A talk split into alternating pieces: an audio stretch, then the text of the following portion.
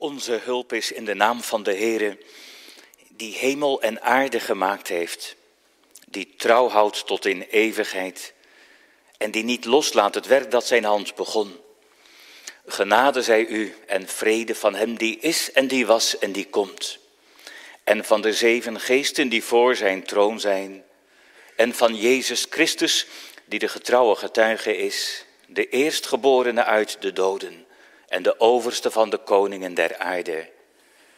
Amen.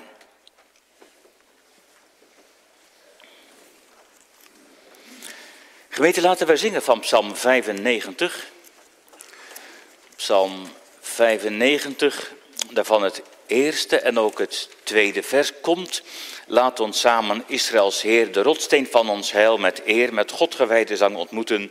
En ook het tweede, de Heer is groot en heerlijk, God 1 en 2 van Psalm 95.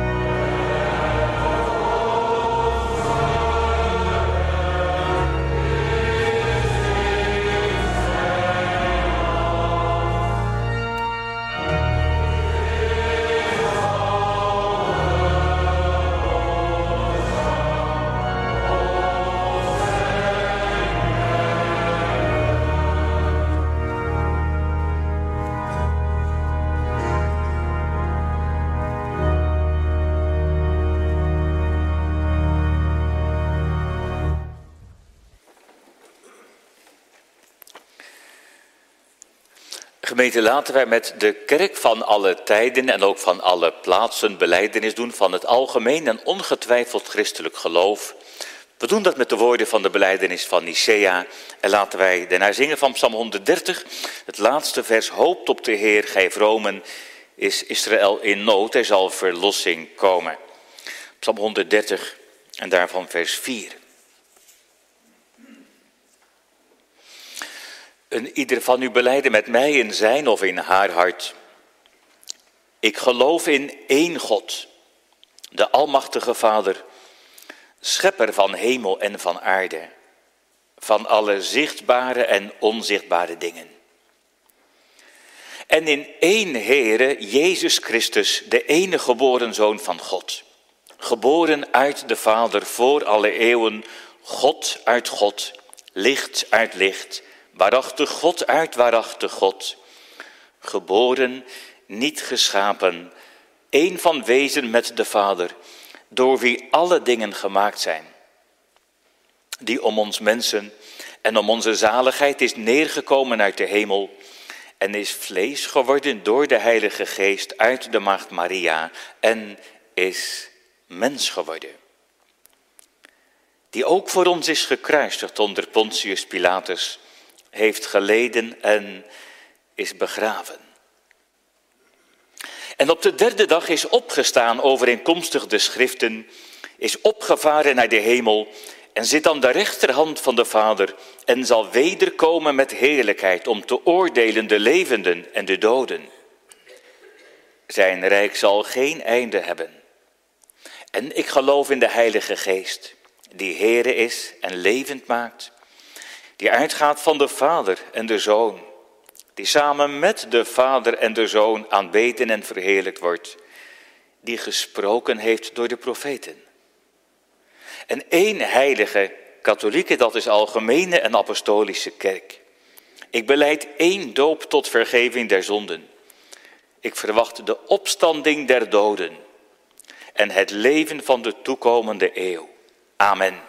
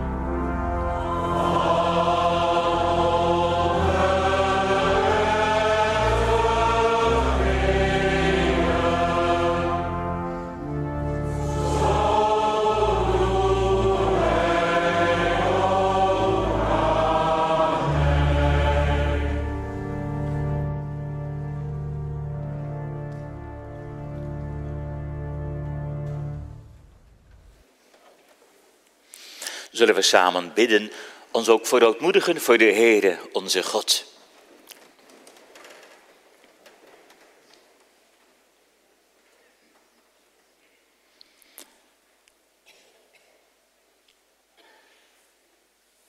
Vader, Zoon en Heilige Geest.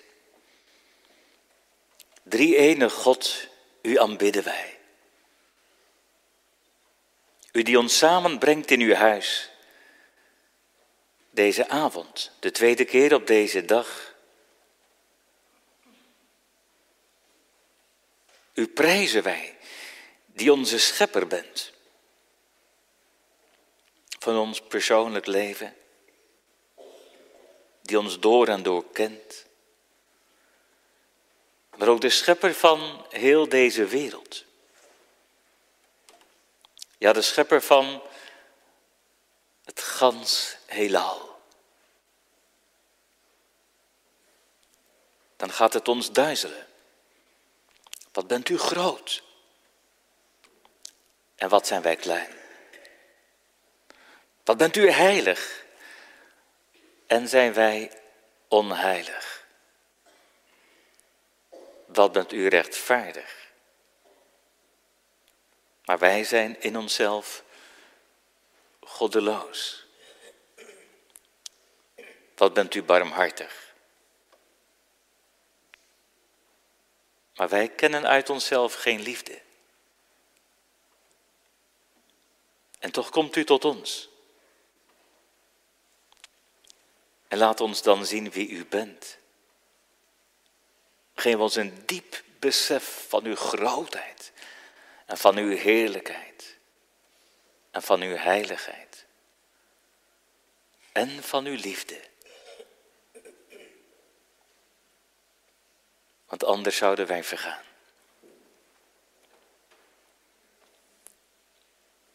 Kom in ons midden, Heer Jezus, met uw Heilige Geest. En ook heel persoonlijk, kom in ons hart. Bij de kinderen en de jongeren en de ouderen. Kom in ons hart. En u weet als geen ander dat het helemaal niet past. U bij ons, u in ons zondige hart. U kunt de stank van de zonde niet verdragen. En toch heeft u het zelf gezegd. En doet u het zelf. En is dat het wonder van uw liefde, dat u komt met uw liefde. En dat u ons reinigt van binnenuit. Door het bloed van Christus. Dat u ons reinigt van alle zonde. En dat u woning maakt voor uzelf. Niet een plekje achteraf. Maar doordringt in ons hart en leven. U die groot en goed bent. Die ons kent en ziet en die weet dat er van ons geen heil te verwachten is. Maar u bent het zelf die het heil brengt en die het binnenbrengt en, en het waar maakt.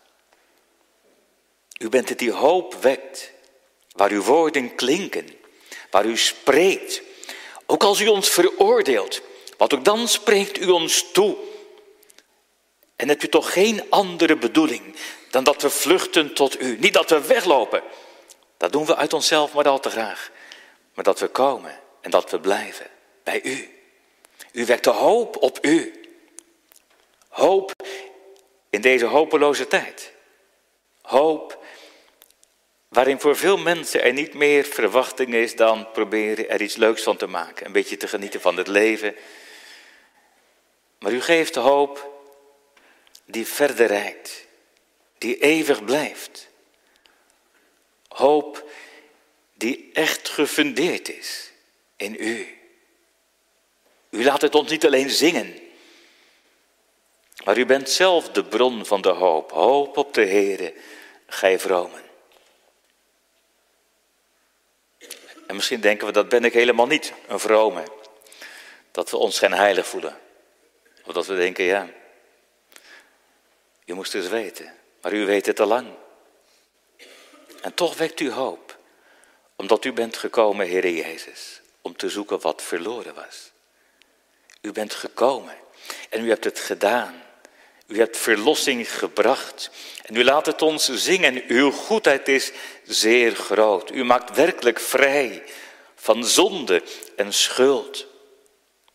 Heere Jezus, verheerlijk uw naam in ons midden. In ons leven. Maar ook in de gemeente. Dat uw naam zal schitteren. En dat uw koninkrijk zichtbaar wordt. Dat uw gemeente wordt uitgebreid. Laat ons er nooit genoegen mee nemen. Dat de zaak van uw kerk krimpt.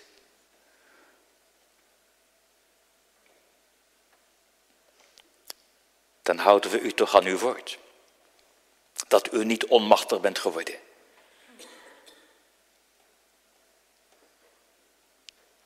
En dat u nog steeds de Almachtige bent.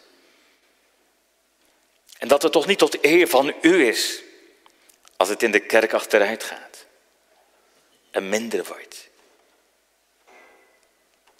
En mensen weglopen. Het is toch tot eer van u als uw koninkrijk wordt uitgebreid. Als uw gemeente groeit. Ook in de breedte, maar nog meer in de diepte. Geworteld in u, Heer Jezus Christus. gebouwd op dat vaste fundament. Dat bent u zelf, u Heere Jezus, de gekruisigde en de opgestane, u die leeft ook vandaag. U die het eerste en het laatste woord heeft, u die doorgaat met uw werk.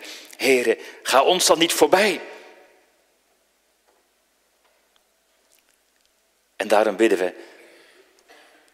ook voor de hele gemeente, maar ook voor ons persoonlijk. Zo, Heere, doe zo ook aan mij. Ja, doe zo ook aan ons. Opdat we weten wie u bent. Opdat u, Heere Jezus, ons leven wordt en zult zijn en zult blijven. Opdat uw naam door ons geprezen wordt. Want u bent het waard te ontvangen alle lof en alle eer. Hoor ons en zegen ons. We danken u dat we vanavond elkaar mogen ontmoeten. Het was ongedacht, onverwacht. Maar we danken u ervoor, al bidden we tegelijk ook voor onze broeder dominee Veerman. Die had hier graag ook willen staan en hij is ziek, maar we bidden u om herstel, om genezing voor hem. Zegen hem en ook zijn vrouw, zijn gezin, ook alle andere broeders in de dienst van het woord met hun gezinnen. Zegen hen en laten ze ook vol gebeden worden door de gemeente. En laten ze hier tot rijke zegen zijn in de gemeente. Opdat uw werk zichtbaar wordt. Hoor ons en zegen ons. Alleen om Jezus wil. Amen.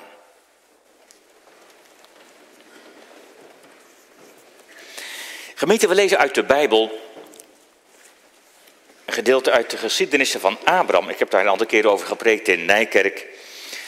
En het leek me goed om dat vanavond ook hier te doen. En we lezen dan Genesis 11 vanaf vers 27 tot en met vers 8 van hoofdstuk 12. Dus echt het begin van de geschiedenissen van Abraham, Genesis 11, te beginnen bij vers 27. We lezen daar Gods woord als volgt. Dit zijn de afstammelingen van Tera. Tera verwekte Abram, Nahor en Haran. En Haran verwekte Lot. Haran stierf tijdens het leven van zijn vader Tera in zijn geboorteland in Ur van de Galdeën. En Abram en Nahor namen zich vrouwen. De naam van Abrams vrouw was Sarai en de naam van Nahors vrouw was Milka, een dochter van Haran, de vader van Milka en Jiska. Sarai nu was onvruchtbaar, ze had geen kind. En Tera nam Abram, zijn zoon, en Lot, zijn kleinzoon, de zoon van Haran, en Sarai, zijn schoondochter, de vrouw van zijn zoon Abram. En zij trokken met hen uit Ur van de Galdeën om naar het land Canaan te gaan. Ze kwamen tot Haran en bleven daar wonen. De dagen nu van Tera waren 205 jaar en Tera stierf in Haran. De Heere nu zei tegen Abraham, gaat u uit uw land, uit uw familiekring en uit het huis van uw vader naar het land dat ik u wijzen zal. Ik zal u tot een groot volk maken, u zegenen en uw naam groot maken en u zult tot een zegen zijn. Ik zal zegenen wie u zegenen en wie u vervloekt zal ik vervloeken en in u zullen alle geslachten van de aardbodem gezegend worden. Toen ging Abraham op weg, zoals de Heere tot hem gesproken had, en Lot ging met hem mee. Abraham was 75 jaar oud toen hij uit Haran vertrok. Abraham nam Sarai zijn vrouw en Lot de zoon van zijn broer en al hun bezittingen die ze verworven hadden en de mensen die ze in Haran verkregen hadden en ze gingen weg om naar het land Canaan te gaan en ze kwamen in het land Canaan. En Abraham trok door dat land heen tot aan de heilige plaats bij Sichem, tot de eik van Moree. De Canaanieten woonden toen in dat land. Toen verscheen de Heer aan Abraham en zei, aan uw nageslacht zal ik dit land geven. Toen bouwde hij daar een altaar voor de Heer die hem verschenen was. Vandaar brak hij op naar het bergland ten oosten van Bethel, zette zijn tent op tussen Bethel in het westen en Ai in het oosten. Daar bouwde hij voor de Heer een altaar en riep de naam van de Heer aan. We lezen ook nog enkele versen uit Handelingen 7. Handelingen 7, de versen 1 tot en met 5. Daar gaat het ook over Abraham. Het is een gedeelte uit de preek van Stefanus voordat hij gestenigd zou worden. Maar die verwijst naar Abraham En dat geeft ook wel wat aanvullende gegevens over het gedeelte dat we gelezen hebben. Handelingen 7 en dan vers 1 tot en met 5. Dan begint de hoge priester. De hoge priester zei: Zijn deze dingen zo? En hij, dat is Stefanus, zei: Mannen, broeders en vaders, luister. De God der heerlijkheid verscheen aan onze vader Abraham toen hij nog in Mesopotamië was, voordat hij in Haran woonde. En hij zei tegen hem: Ga uit uw land en uit uw familie en kom naar een land dat ik u wijzen zal. Toen ging hij uit het land van de Galdeën en ging in Haran wonen. En daar vandaan bracht hij, nadat zijn vader gestorven was, hem over naar dit land waar u nu woont. Maar hij gaf hem daarin geen erfdeel, zelfs geen voetstap. En hij beloofde hem, toen hij nog geen kind had, dat hij dat land aan hem en na hem aan zijn nageslacht in bezit zou geven. Tot zover. De tekst voor de preek is vooral vers 1 van Genesis 12. Dat zijn die woorden waar de Heer tegen Abraham zegt: Gaat u uit uw land, uit uw familiekring en uit het huis van uw vader naar het land dat ik u wijzen zal. En het thema voor de preek is de Heere roept. De Heere roept hier die roeping van Abraham, maar ook wat het ons heeft te zeggen. Er zijn nog enkele mededelingen vanuit de kerkenraad. Allereerst de collecten. De eerste collecte nu is voor de diaconie, de tweede voor de kerk, de derde voor het Algemeen Kerkenraadsfonds. En u kunt dat geven op de u bekende wijze. Dan de actie Kerkbalans. Geef vandaag voor de kerk van morgen. Met dit motto wordt in deze week de actie Kerkbalans gehouden. Deze week zijn de enveloppen rondgebracht. Komende week worden de antwoordenveloppen opgehaald. We wijzen u nog op het filmpje dat u na deze dienst kunt zien en ook op de website van onze gemeente kunt vinden. We vragen u deze actie te steunen, een bedrag toe te zeggen en samen ook financieel het vele goede werk in onze gemeente mogelijk te maken. Woensdag 25 januari komt het vrouwencontact Loos weer samen. Om half tien morgen staat in het anker de koffie en de thee klaar. We starten kwart voor tien. De spreekster is Joke van der Meij. Het onderwerp langs het tuinpad van mijn vader. Verdere info zie de website of de kerkbode. En de voorbeden komen straks wel. Zullen we samen gaan zingen? Dan gaan we weer naar Psalm 95. Dan zingen we nu de versen 3, 4 en 5. Zijn is de zee. Het vierde, want hij is onze God. En ook vers 5, verhard u niet. 3, 4 en 5 van Psalm 95.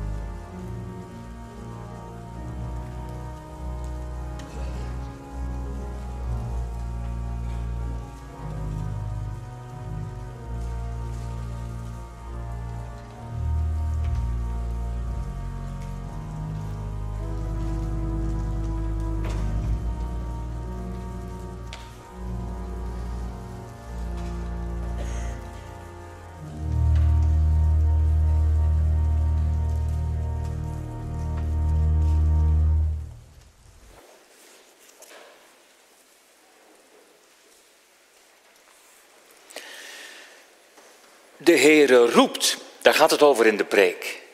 Dus jongens en meisjes, als je wilt weten waar de preek over gaat, dan kun je het heel makkelijk zeggen. De Heere roept. En je zult merken dat dat op allerlei manieren terugkomt in de preek. Genesis 12, vers 1. Gemeente Augustinus zegt ergens dat het Nieuwe Testament ligt besloten in het Oude. En dat het Oude Testament wordt onthuld in het Nieuwe. En dat merk je op een hele mooie wijze in die geschiedenissen van Abraham. En natuurlijk niet alleen daar, op heel veel wijzen. Het is ook, oog, ook zaak om dat in het oog te krijgen. Dat het ook in het Oude Testament gaat om hetzelfde evangelie als in het Nieuwe. Nu wordt Abraham in de Bijbel genoemd een vriend van God. Jacobus 2, vers 23. Hij wordt ook genoemd de vader van de gelovigen. In Romeinen 4 en ook Galaten 3. En als Abraham de vader van de gelovigen heet, dan gaat het over de gelovigen uit de Joden en uit de heidenen. Eerst de Jood, maar ook de heiden. Tot in Katwijk, tot in Nijkerk toe.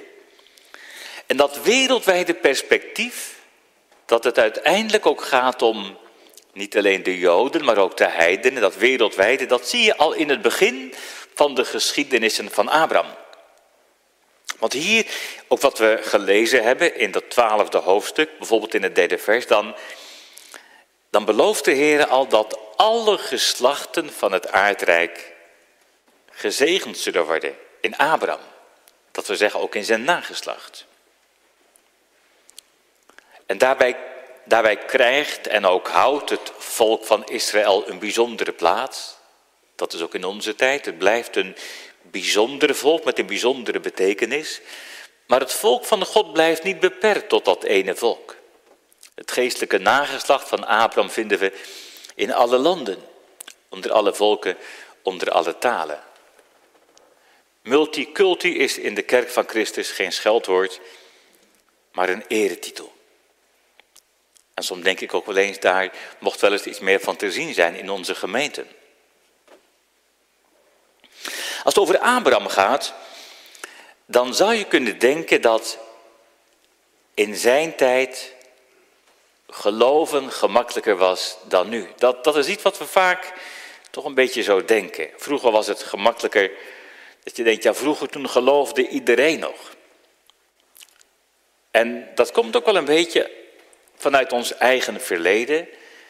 Als je terugdenkt, bijvoorbeeld 50 jaar geleden of misschien nog wat langer geleden, ja, toen gingen er veel meer mensen naar de kerk.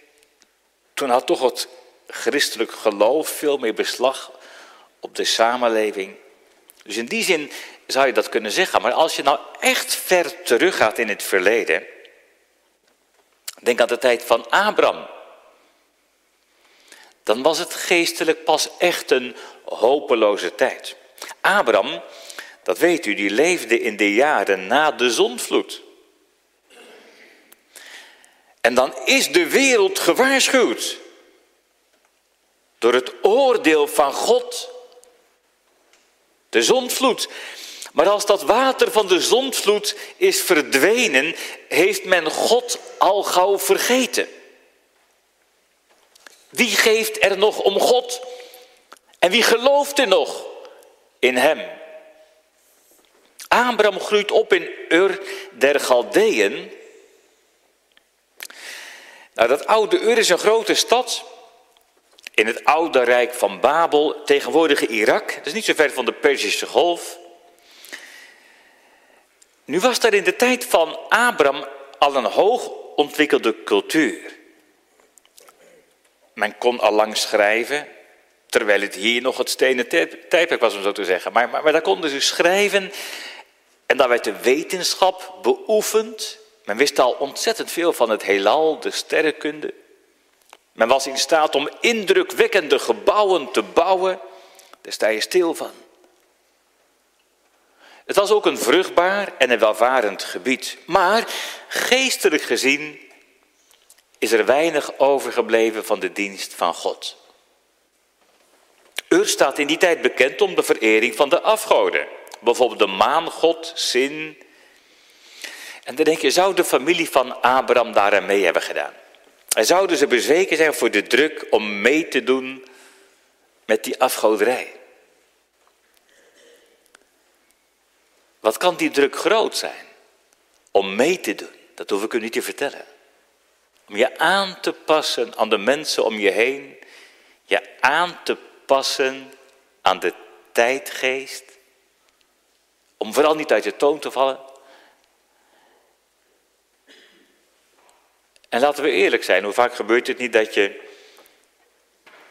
als je bent bij collega's die nergens aan doen, of bij buren die nergens van weten, dat je toch een beetje met de mond vol tanden staat als ze vragen, ja maar wat, uh, wat geloof je dan? En wat, wat, wat betekent het dan voor jou? En, en, en als het dan gaat over, over het kruis, om uit te leggen wat het nou voor je betekent. Hoe moet je dat duidelijk maken aan iemand die helemaal niks heeft met God? Dat iemand voor jou naar het kruis wilde gaan? Dat, dat je er wat aan hebt als iemand anders voor jou doodgaat, om zo te zeggen? Hoe moet je dat duidelijk maken aan iemand die nergens van weet? Of, of dat je gelooft in hemel en hel? Of als het over de schepping gaat, dat je denkt, is het nou echt nodig om te geloven dat God hemel en aarde geschapen heeft? En is het nou echt waar dat alle mensen uit Adam en Eva zijn voortgekomen? En we weten allemaal best, dat wordt nog veel gevoeliger als het gaat over de ethiek. Kun je in onze tijd nog aankomen met wat er in de Bijbel staat over het huwelijk, over seksualiteit? Wat is de druk vanuit de samenleving groot? Om seksuele relaties ook buiten het Bijbelse huwelijk van man en vrouw te accepteren. Er worden wereldwijd zelfs rechtszaken gevoerd om het Bijbelse getuigenis, het zwijgen, op te leggen. Die druk van zeg maar, de tijdgeest is op een heel andere wijze volop aan de orde. Als je de druk voelt van je vrienden om mee te doen, om je dronken te drinken. Of druk vanuit collega's om mee te doen met het kwade. Nou, je kunt je afvragen wat is er gebeurd met die familie van Abraham. In ieder geval weten wij dat ze niet staande zijn gebleven. Misschien dat ze eerst nog wel van plan waren de Heer te dienen. Maar na verloop van tijd is daar weinig meer van over. Dat weten we uit de Bijbel. Later dan zegt Jozua dat ronduit. Hij herinnert het volk aan het verleden.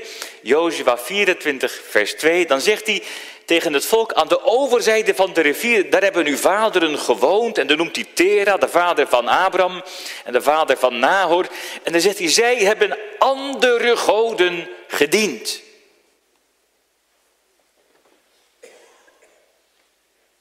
Ook Abrahams familie. Andere goden, de afgoden gediend. Meegedaan met de zonden van de wereld. Een hopeloze tijd. En toch die roepstem van de Heere God. Dat zie je de tekst. Dat de Heere roept. Dat die Abraham roept in een situatie die geestelijk hopeloos is. Wij zeggen wel eens dat we in een donkere tijd leven, geestelijk gezien. En dat is waar. Een tijd waarin velen de kerk verlaten, tenminste wel in West-Europa en zeker ook in Nederland. Een tijd ook van verwarring in de kerk. Dat je wel eens denkt, het lijkt wel of de fundamenten onderuit worden gehaald. En dat gevaar infecteert ook ons. Maar in de dagen van Abraham lijkt de situatie eerder hopelozer dan beter. Wat is er nog over van het geloof? Wat is er nog over van de dienst van de Heer? Van de gehoorzaamheid aan zijn woord. En toch die roepstem van de Heere God. Hij maakt een nieuw begin in een hopeloze situatie. En, en alleen dat al is, is belangrijk om te zien, om erover na te denken. Dat, dat geeft verwachting van de Heere God. Ook al zitten wij met de handen in het haar. Het is voor de Heere God nooit hopeloos. En, en, ook als het over mensen gaat, er bestaan voor onze God geen hopeloze gevallen. Ja, in onszelf zijn we allemaal hopeloos. Maar, maar we hebben te maken met de levende God. Die toen en vandaag spreekt en het is er. En die roept en het gebeurt. Hij heeft alle macht in hemel en op aarde. Hij is de Heer die roept ook vandaag. Want hij wil niet dat we die andere goden blijven dienen. Hij wil niet dat we van twee walletjes blijven schipperen. Hij wil dat we zullen leven met Hem, ons hart geven aan Hem. Toegewijd zullen zijn aan Hem. En je kunt je afvragen, wat was nou de aanleiding dat de Heer Abraham geroepen heeft? Waarom zou de Heer dat hebben gedaan? Was Abraham dan een beetje beter dan de anderen? Heeft Abraham er veel om gebeden bijvoorbeeld? Zou die bijvoorbeeld hebben gevast en geroepen en dat hij dacht, ik heb de Heere God nodig? Dat staat er niet. Dat staat er helemaal niet. Is Abraham beter dan anderen? Nou, dat kun je moeilijk zeggen. In zichzelf was hij geen haar beter dan de rest. Net als wij. Hier gaat het initiatief helemaal van God uit. En achter die roepstem van de Heere God ligt ook Gods verkiezing. Het is God die het doet. Niet omdat we dat zouden verdienen, niet omdat we dat waard zouden zijn, of omdat wij een beetje beter zouden zijn dan mensen die nooit in de kerk komen. Integendeel, de Bijbel zegt ronduit, er is niemand die uit zichzelf God zoekt. Romeinen 3. Wij zeggen wel eens, dat is zo'n mooie uitdrukking, dat de Heer redenen neemt uit zichzelf. Dat hij verkiest omdat hij zelf met ontferming bewogen is. En dat hij roept omdat hij het goede met ons voor heeft. Dat ook weer zitten. Kun je zomaar zeggen, hè? de Heere God heeft het goede met je voor. Maar ja, in de praktijk, dan eh, kun je wel eens denken, ja, eh, hoe, hoe, moet ik dat dan zien? Eh, ik bedoel, op het eerste gezicht is die roepstem van de Heere God alleen maar lastig voor Abraham. Dat is alleen maar lastig. Die roepstem van God brengt een heleboel onrust en onzekerheid met zich mee.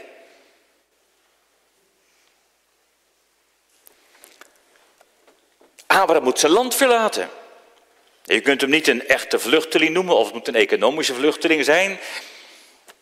Daar kun je wel heel erg tegen zijn, maar ja, wat zou je zelf doen?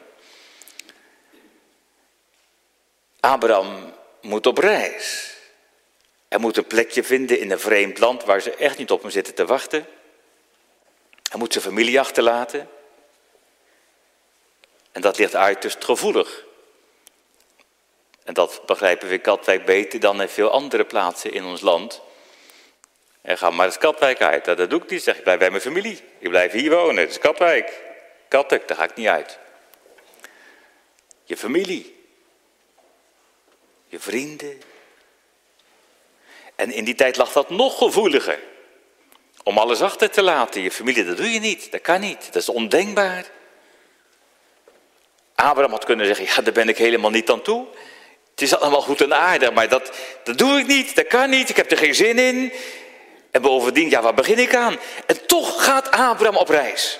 Ja, waarom? Waarom gaat hij? Waarom zou je dat doen? Waarom zou je gehoor geven aan die roepstem van God? Moet ik dat nog vragen aan u? Waarom zou je dat doen? Als God je roept. Waarom? Ja, misschien kun je dat niet eens precies verwoorden. En toch, je kunt er niet meer onderuit. En je wilt er niet meer onderuit. Dat de Heilige Geest je overtuigt van binnenuit. Dat je gelooft dat de Heer goed is en dat Hij het waard is. En dat je gelooft dat Hij echt het goede met je voor heeft, ongeacht waar die roepstem je brengt.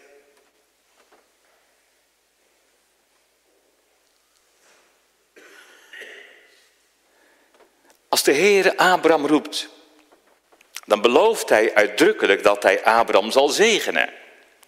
Zelfs dat hij tot zegen voor anderen zal zijn. Daar staat de Heere hoogstpersoonlijk garant voor. En wat is het mooi als, als, als je daarvan overtuigd raakt. Dat kun je elkaar niet aanpraten, ook jezelf niet. Maar dat doet de Heilige Geest die je daarvan overtuigt. Dat Hij het waard is. Hij die u roept. is getrouw. Hij zal het doen. Abraham wordt geroepen om alles achter te laten en te verhuizen naar een vreemd land. Nou ja, dat kun je niet zomaar betrekken op alle mensen. Dat begrijpt u ook wel. De Heer kan je wel roepen om als zendeling naar het buitenland te gaan. En ik hoop ook dat er weer nieuwe zendelingen uit Katwijk zullen komen. En, en ook nieuwe dienaren van het woord. Dat lijkt een beetje op te drogen. Maar dat is toch niet de bedoeling, hè? dat er ook weer uit Katwijk mannen van God zullen zijn. Vergeet u niet om daarvoor te bidden. En nieuwe zendelingen. Of evangelisten. Hij kan je roepen om te verhuizen naar een andere plaats. Om te dienen in zijn koninkrijk. Het kan natuurlijk ook voor je werk zijn. Maar meestal mogen we gewoon blijven wonen in onze vertrouwde omgeving. En toch roept de Heer ook u en jou en mij. En ten diepste is die roepstem even radicaal als bij Abraham. Hoe, hoe doet de Heere God het dan? Hoe roept Hij ons? Vanmorgen was het in Nijkerk een doopdienst. Dan zie je het heel zichtbaar. Hoe de Heere roept al in het eerste begin van je leven. In de doop zegt de Heer ook tegen jou en u en mij. Je hoort niet bij de wereld. Je hoort niet bij de duivel. Je hoort bij mij. En als de God van de doop roept hij ons om die liefde van hem te beantwoorden. Niet met de buitenkant, maar geef mij je hart, zegt de Heer. Om je van de wereld af te keren, die oude natuur te doden, in een nieuw Godvrezend leven te wandelen. Denk aan het doopformulier. En die roepstem laat de Heer horen in de prediking, iedere keer weer, iedere zondag. Maar ook als je thuis je Bijbeltje leest. Hij laat het horen. Hij gunt ons geen rust voordat we terugkeren naar Hem. Hij spoort dus aan tot geloof. Hij spoort dus aan tot bekering. Hij wil niet dat we zullen sterven in onze zonde zonder Hem, maar dat we zullen leven met Hem. De Heere roept en Abraham gaat. Dat zou je amen kunnen zeggen. Maar er staat nog geen punt. Abraham gaat. Ja, ja, ja, nou ja, ja, gaat hij? Ja. We weten uit Handelingen 7, we hebben dat gelezen, dat de Heer Abraham al roept in Ur, in Mesopotamië, Ur van de Galdeeën. Dus als je kijkt in, in de tekst, dat eerste vers van hoofdstuk 12, dan is dat dus al eerder in tijd dan dat stukje daarvoor, in Genesis 11. En daarvoor gaat het over het vertrek uit Ur, en dan komen ze in Haran. Maar wat er dan in 12 staat, die, die, die roeping, hè, dat de Heer Abraham roept, dat hij zegt, ga uit uw land. Dat is dus al eerder. Daarom staat er ook in de gewone statenvertaling, de Heer had gezegd. Je kunt het ook zo uitleggen dat, dat, dat de Heer die oude roep herhaalt. Dat kan ook heel goed. Maar hoe dan ook, in Ur klinkt die eerste roepstem. En de Heer had gezegd, niet alleen ga uit uw land, maar ook uit uw familiekring. Maar als Abraham vertrekt uit Ur, ja, dan gaat zijn familie mee. Niet allemaal, maar wel de meeste. Er staat in Genesis 11, vers 31, ja lees maar mee, er staat zelf dat, dat zijn vader Tera het voortouw neemt. Er staat Tera nam Abraham, niet andersom, niet Abraham nam, nam zijn vader Tera, nee, Tera nam Abraham, zijn zoon en Lot, zijn kleinzoon. En, en er staat er als ze trokken om naar Canaan te gaan.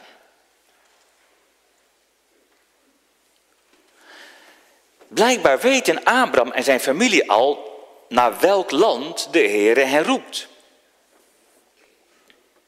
Oh, eens even, zegt iemand die een beetje bijbelvast is. Er staat toch in de Hebreeënbrief, Hebreeën 11, vers 8, er staat toch dat Abraham is weggegaan zonder te weten waar hij zou komen. Dat staat toch in de Bijbel? Ja. Maar dat wil niet zeggen dat hij zomaar op de Bonnefoy vertrekt. De Heer heeft hem blijkbaar wel het land bekendgemaakt. Want ze gaan naar Canaan en toch, toch weet Abraham nog niet wat hem daar te wachten staat. Voor hem is Canaan nog een onbekend land. Met een onbekende toekomst. Hij kon natuurlijk niet even op internet kijken, hoe ziet het eruit, dat plaatjes bekijken. Het was een totaal onbekend gebied. Hij wist niet waar hij komen zou, niet wetend waar hij komen zou. Nu kun je je indenken dat Abraham het wel fijn vindt dat zijn vader meegaat en zijn familie denken, dat is toch fijn dat de familie meegaat, dat is toch geweldig, hoe meer hoe beter. In de kerk natuurlijk wel, hoe meer hoe beter. Hoe meer hoe beter, ja. Maar, maar na verloop van tijd wordt dat een nieuwe beproeving. Met elkaar hebben ze een flinke reis gemaakt. Zonder vliegtuig natuurlijk en zonder auto. Dat ging toch, ja lopend weet ik niet, maar misschien op kamelen. Wat zal het geweest zijn? Maar ze hebben zo'n duizend kilometer gereisd in de noordwestelijke richting, waarschijnlijk langs de rivier de Eufraat. En dan komen ze aan in Haran. Haran. En daar vinden ze het wel genoeg. Weet u waar dat ligt, Haran? Haran, dat is, dat is boven het huidige Syrië. Dus als je het beloofde land hebt, Israël, daarboven heb je Syrië. En daarboven heb je de ondergrens van Turkije. En Haran ligt dan net over die grens van Syrië, daaronderin Turkije.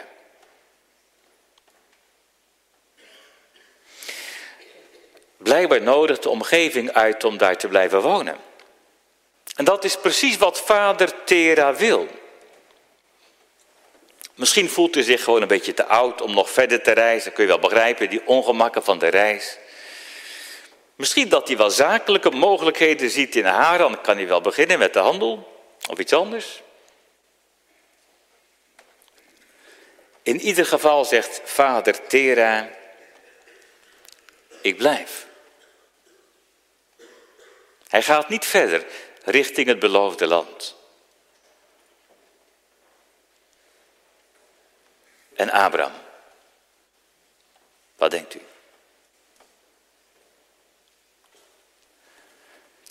De Heere God had hem toch geroepen.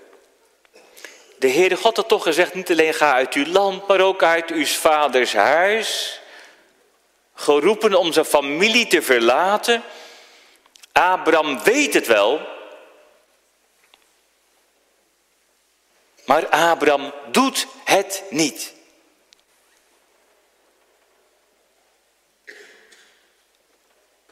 Dat valt tegen.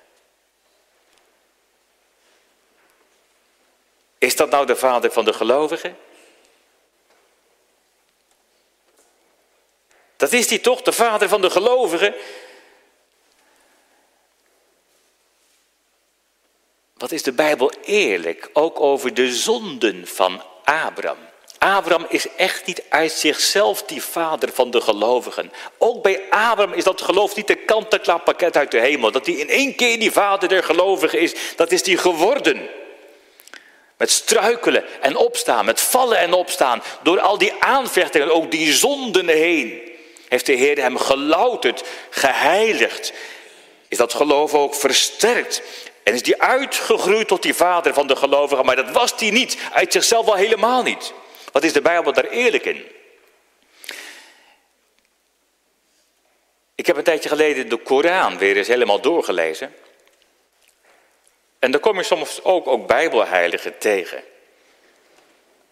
Maar dan worden ze alleen maar voorgespiegeld als volmaakte mensen. Bijna engelen. Zo spreekt de Bijbel nooit over de kinderen van God. Dat is de eerlijkheid van de Bijbel. Het is geen mensenboek waarin alles wordt opgepoetst. Zelfs niet bij de geloofshelden, zelfs niet bij de vader der gelovigen. Wat is de Bijbel eerlijk? Ook Abraham is een zoon van Adam. Ook Abraham is in zichzelf geneigd tot het kwade, tot alle ongeloof. En ongehoorzaamheid. Ook Abraham moet leren leven van genade alleen. Juist daarin schittert Gods genade in het leven van Abraham. Ondertussen betekent dat verblijf in Haran dat Abraham halverwege blijft steken. Halve gehoorzaamheid Ja, dat is in werkelijkheid ongehoorzaamheid, want zo komt hij er gewoon niet. Dat staat hier als een waarschuwing. En laten we niet denken dat we daar te goed voor zijn. Het is o zo verleidelijk. Je hebt het woord van God gehoord, je weet het best. En je zegt, ik wil gehoorzaam zijn. Je hebt misschien beleidenis gedaan, ik, ik, ik wil doen wat God zegt, maar, maar dan wordt het lastig. En dan zie je mensen om je heen, die doen niet zo moeilijk. En dan denk je, waarom zou ik zo moeilijk doen? Wat maakt het allemaal uit? Mensen maken andere keuzes, dat zijn toch ook christenen? En Abraham kan heel veel redenen bedenken. Veel families blijven allemaal in Haran. moet ik dan in mijn eentje? En u begrijpt dat wel. Maar als Abraham eerlijk is, dan weet hij deksels goed wat God gezegd heeft.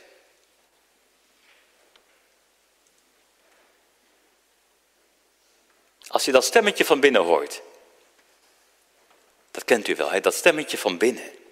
Als je dat stemmetje van binnen hoort, luister dan. En druk het niet dood. Luister dan. Dat stemmetje van binnen. Wees daarin eerlijk naar jezelf. Wees kritisch naar jezelf. Hoe ligt het tussen de Here en mij?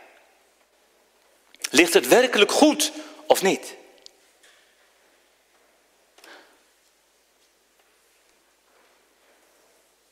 En, en, en die roepstem, is die meer voor me gaan leven of niet? Is er ook geestelijke groei in die gehoorzaamheid? Of, of, of ben ik halverwege blijven steken?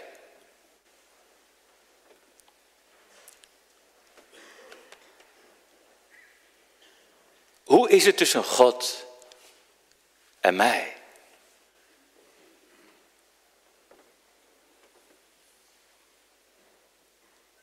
Abraham gaat wel op weg. Maar Abraham blijft in Haran steken. Ja, wat zou de Heere God daarvan denken? Dat is een heel belangrijke vraag. Dat we ons afvragen, wat zou de Heere God daarvan denken? Wat zou de Heere God van mij denken? Wat zou God daarvan vinden? Wat zou de Heere doen? Spurgeon heeft daar een hele preek over geschreven. En dan zegt Spurgeon, let er eens op, dat de Heere niks meer zegt, zolang Abraham met zijn familie in Haran blijft. Je kunt wel eens denken, waarom hoor ik zo weinig van God? Nou, dat kan heel verschillende redenen hebben. Het kan ook een beproeving zijn. Maar denk hier eens aan Abraham. Je leest niks meer van de Here in het leven van Abraham zolang die blijft in Haran. En zegt dan, ja de Heere houdt nog wel van Abraham. Wat dacht u? Abraham blijft Gods kind. Maar de Heere trekt zich terug. Dat kan hè, dat de Heere zich terugtrekt. En dat de Heere zich hult in zwijgen. Ja, waarom? Waarom laat de Heere God niet meer van zich horen? Ja, wat moet de Heere God eigenlijk zeggen? De Heere God heeft toch al gezegd wat hij wil?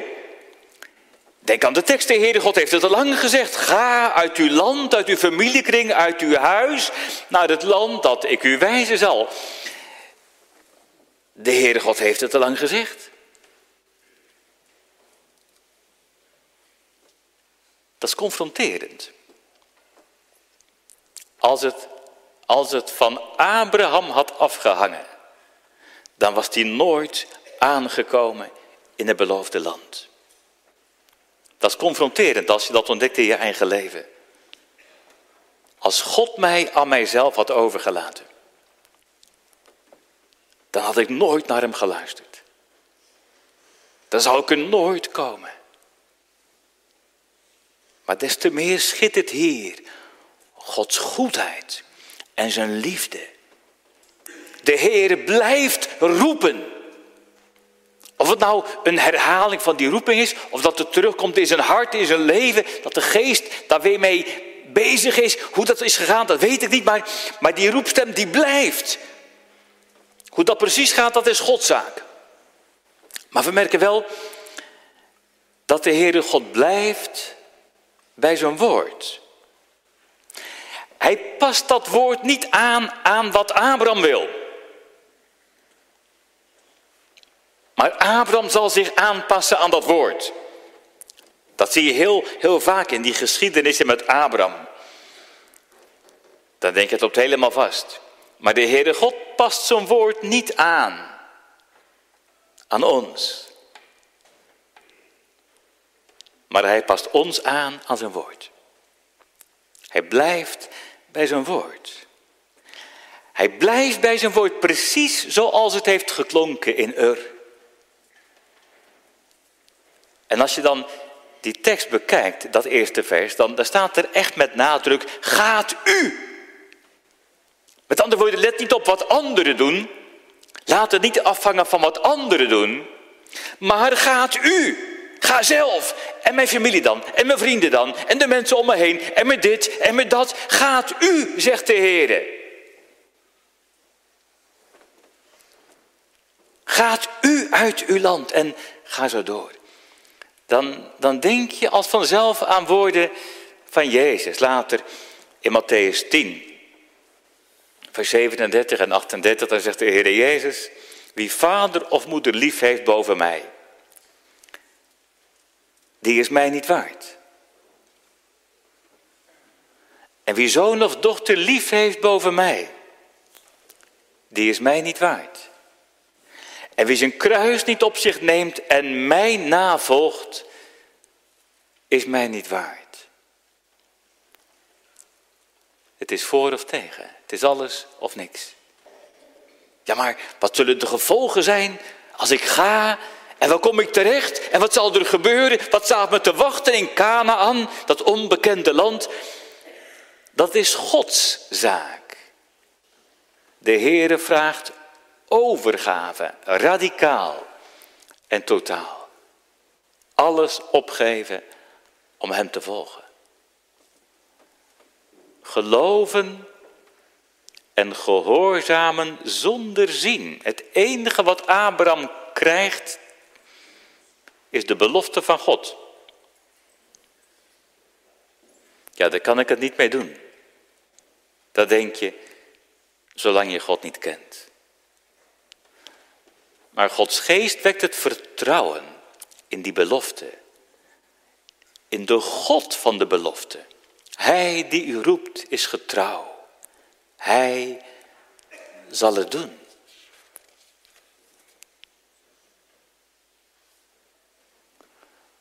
Dan heeft het ook iets heel moois. Wat er van komt, dat is dan ook Gods zaak kunt wel eens zeggen, dan is het ook Gods probleem. Dan is mijn probleem Gods probleem. Het is zijn zaak, want waar hij roept, achter de Heer Jezus aan. Ja, daar zal hij voorzien. Dat heeft hij gezegd. Dan wordt mijn probleem zijn zaak. Dat geeft ook vrijheid en vreugde. Want hij zal voorzien. Let nog eens op de belofte die de Heer geeft in dat tweede vers. Ik zal u tot een groot volk maken.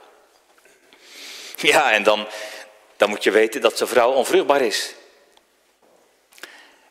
En dat het ook nog wel meer dan twintig jaar zal duren allemaal. Maar wij weten, wij weten dat die belofte is vervuld. Dat zag Abraham nog niet. Wij weten van het volk van Israël, dat zag Abraham nog niet. Wij weten dat het een groot volk is geworden. We weten ook van alle uitroeiingspogingen van het Joodse volk. Denk aan de Tweede Wereldoorlog. Maar dat die duivelse plannen mislukt zijn. Wij weten van het volk. We weten ook van het geestelijke nageslacht van Abraham. Van de wereldwijde kerk van Christus. En, en daarin wordt die naam van Abraham inderdaad groot gemaakt. Precies zoals de Heer heeft beloofd. En uitdrukkelijk belooft de Heer ook zijn zegen. Ik zal u zegenen en u zult tot een zegen zijn, dat tweede vers. En dan denk je, wat is nou die zegen die de Heer belooft? Wat belooft de Heer nu aan Abraham voor zegen? Moet Moet je dan denken aan aardse zegeningen? Nou, die zijn er ook. daar heeft Abraham van mogen genieten, van aardse zegeningen. Toch heeft hij meerdere malen een economische crisis meegemaakt. En niet alleen een energiecrisis, maar ook echt een voedselcrisis. Honger. En, en op die beloofde zoon moest hij 25 jaar wachten. En in dat beloofde land is hij levenslang vreemdeling geweest. Met andere woorden, die, die belofte van zegen is geen belofte voor een comfortabel leven op aarde. Hoeveel zegeningen Abraham ook gekregen heeft. Maar als je daaraan denkt, zou Abraham spijt hebben gekregen? Zou die spijt hebben gekregen van het gehoorzamen van die roepstem van de Heere God? Zou Abraham achteraf liever in Ur zijn gebleven? Of liever toch in Haran achtergebleven? Met dat ik het vraag, weet u het antwoord. En jullie. Abraham is een man aan wie je merkt dat het geloof onberouwelijk is. Dat we zeggen dat je daar nooit spijt van krijgt. Onberouwelijk. Je krijgt er nooit spijt van. Waarom niet? Dat heeft te maken met de God van die beloften. De God van Abraham. Voor Abraham is de grootste zegen niet iets wat de Heere God geeft. Niet een ding of iets moois. Maar de grootste zegen is de Heere God zelf. Abraham weet liever met de Heere in een vreemd land dan zonder God in mijn eigen vertrouwde omgeving. Waarheen Gods weg ook gaat, als God mijn God maar met me is. Het geheim van de zegen ligt in de Heere zelf. Dat wordt later nog veel duidelijker als het verbond wordt gesloten. Dan zegt de Heere, ik ben de Heere, uw God. Ik ben uw schild. Ik ben uw loon zeer groot. De Heere belooft zichzelf. En dat wordt nog duidelijker in zijn zoon, in de Heere Jezus Christus de beloofde zoon van Abraham. In die beloofde zoon ontvangt Abraham de rijkste zegen. In die beloofde zoon worden werkelijk alle geslachten van de aardbodem gezegend. Tot in Katwijk toe en tot in Nijkerk toe. En daarom gaat het ook in de prediking om die beloofde zoon. Die hier al wordt beloofd. De Heere Jezus Christus de gekruisigde en de opgestane. En als je denkt dan aan hem. Hij werd geroepen om zijn hemelse vaderland te verlaten. Hij werd geroepen om in deze zondige wereld te komen. Als er iemand reden had om te blijven waar hij was, dan Jezus wel. Maar hij was bereid om al zijn heerlijkheid op te geven. Hij was bereid om al zijn gelukzaligheid achter te laten. Hij heeft gehoorzaamd. Hij is gekomen. En de Heer Jezus is niet halverwege teruggekeerd. Hij is niet halverwege blijven steken. Maar hij is gehoorzaam geweest tot het einde tot in de dood van het kruis. Hij onschuldig. Voor schuldige mensen. Als de zaligmaker van zondaren. Hij in de plaats van ons. Voor wie? Niet voor engelen. Die hebben geen zaligmaker nodig. Niet voor goede mensen. Die hebben zijn kruis en zijn verzoening niet nodig. Hij heeft zich opgeofferd voor zondige mensen die net als Abraham geneigd zijn tot alle ongeloof, tot alle kwaad, in zichzelf geen haar beter dan een ander. Dat is de rechtvaardiging van de goddeloze door het geloof alleen. Ja, dan zou je kunnen zeggen, maakt het dan niet uit hoe je leeft? Er is toch wel vergeving bij Jezus. Maakt het dan niet uit hoe je leeft? Dat is net zoiets als vragen, maakt het daar niet uit of Abraham in Ur of in Haran was gebleven? Zolang we geen gehoor geven aan die roepstem van de Heere, dan sluiten we onszelf buiten. Daar is de Bijbel eerlijk in. Zolang we blijven in onze zonden, kunnen wij het koninkrijk van God niet binnengaan. Ja, wat wil de Heer Jezus dan? Dat weet u toch wel. Wat wil de Heer Jezus anders dan dat wij ons leven zoeken buiten onszelf in Hem? Wat wil de Heer Jezus anders dan dat we vluchten tot Hem voor het eerst en ook telkens weer? Dat we onze hoop vestigen op Hem. Dat we leren leven van Zijn verzoenend lijden en sterven. Dat het kruis van Christus ons leven wordt en meer en meer zal zijn. Wat wil de Heer Jezus anders dan dat we in Zijn kracht tegen de zonde leren strijden? En dat we Hem nodig hebben om te volharden in het geloof. Om niet halverwege te stoppen, maar te volharden tot het einde. Zonder Jezus hebben wij geen leven. En zonder Jezus sta je er buiten. Maar wie het bij Jezus zoekt, wordt niet beschaamd. Want met Jezus heb je alles. Dat is het geloof van Abraham. Dat is het geloof van de vader van de gelovigen. Ik zoek de zegen alleen bij u. Zeg je het mee? Ik zoek de zegen alleen bij u, o bron van troost en licht. Amen. We gaan dat samen ook zingen uit Psalm 27, daarvan het vijfde vers. Psalm 27, vers 5.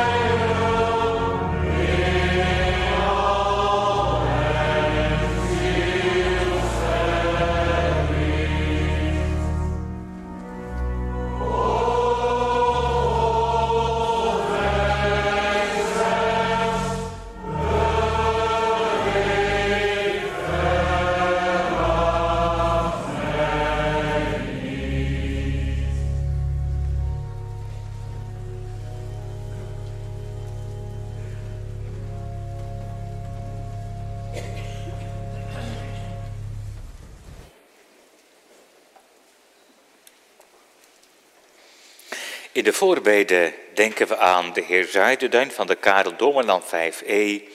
We danken dat de operatie goed is verlopen en dat hij mocht thuiskomen. En bidden ook voor verder herstel. We doen ook voorbeden voor mevrouw van der Oever, die een hernia heeft en komende week geopereerd wordt. We denken ook aan de rouwdragende families, ook aan de zieken en alle die het moeilijk hebben. Zullen we samen danken en ook bidden.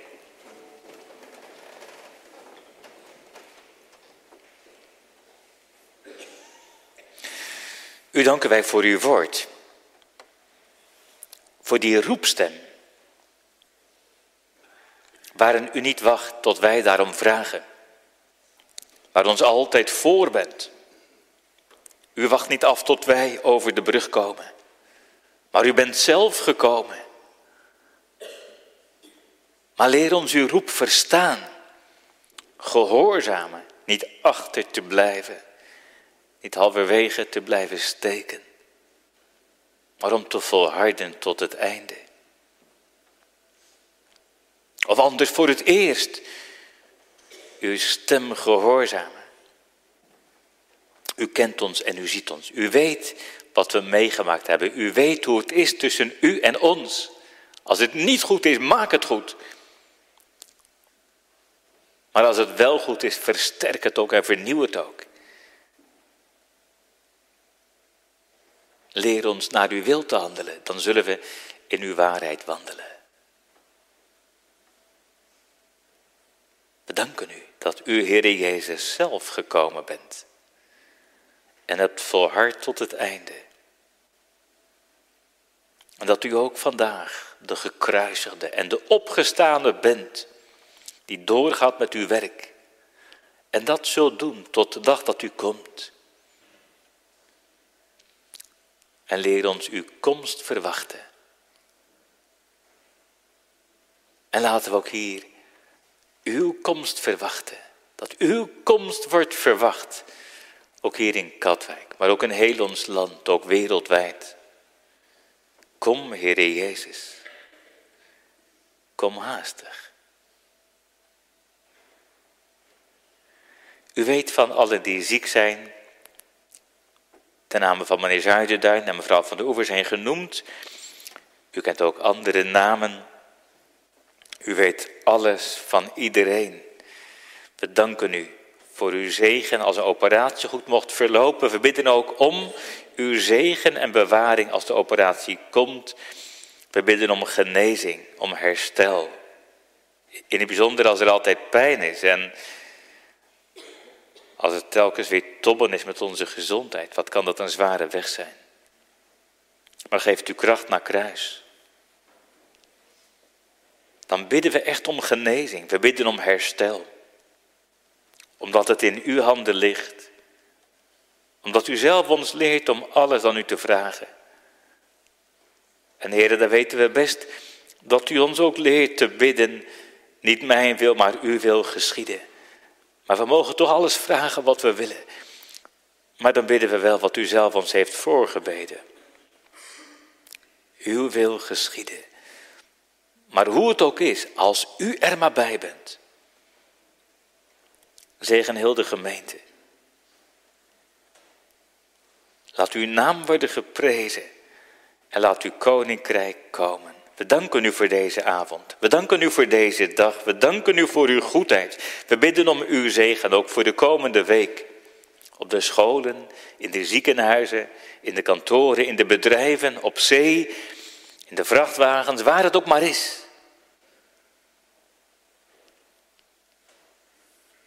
Zegen alle dienst in uw koninkrijk. Want de broeders in de dienst van het woord, de broeders in de kerkenraad en de kerkenraden. Geef ook dat met de actie kerkbalans het resultaat verblijdend mag zijn. Dat het iets mag laten zien van, van liefde voor uw dienst en liefde voor uw huis en van het verlangen naar uw werk, ook in onze tijd. Onze ogen zijn op u. Wees ons genadig. Alleen om Jezus wil. Amen. Wij zingen samen nog uit Psalm 25, de versen 5 en 6. Loutere goedheid, liefdekoorden. En ook het zesde, wie heeft lust de Heer te vrezen? 5 en 6 van Psalm 25.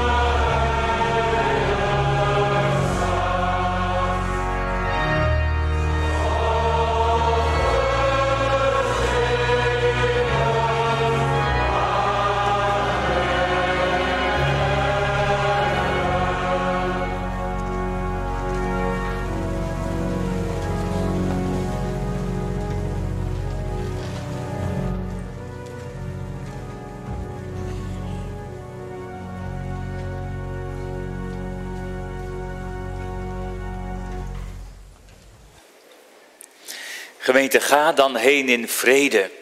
Ontvang de zegen van de Heere voor u en voor de uwen. De genade van de Heere Jezus Christus en de liefde van God en de gemeenschap van de Heilige Geest zij met u allen. Amen. Amen.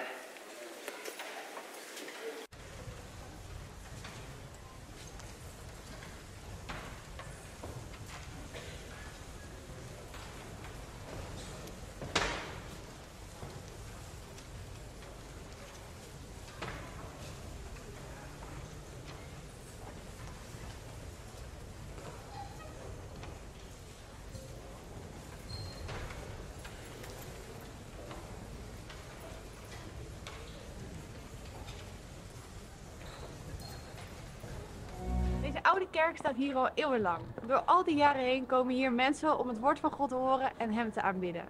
Ouderen, jongeren en kinderen. Ik ben Sven en ik ben 9 jaar oud. Ik ben Isabel en ik ben 10 jaar oud. Ik ben Annemarie en ik ben 5. Ik ben David en ik ben 9 jaar.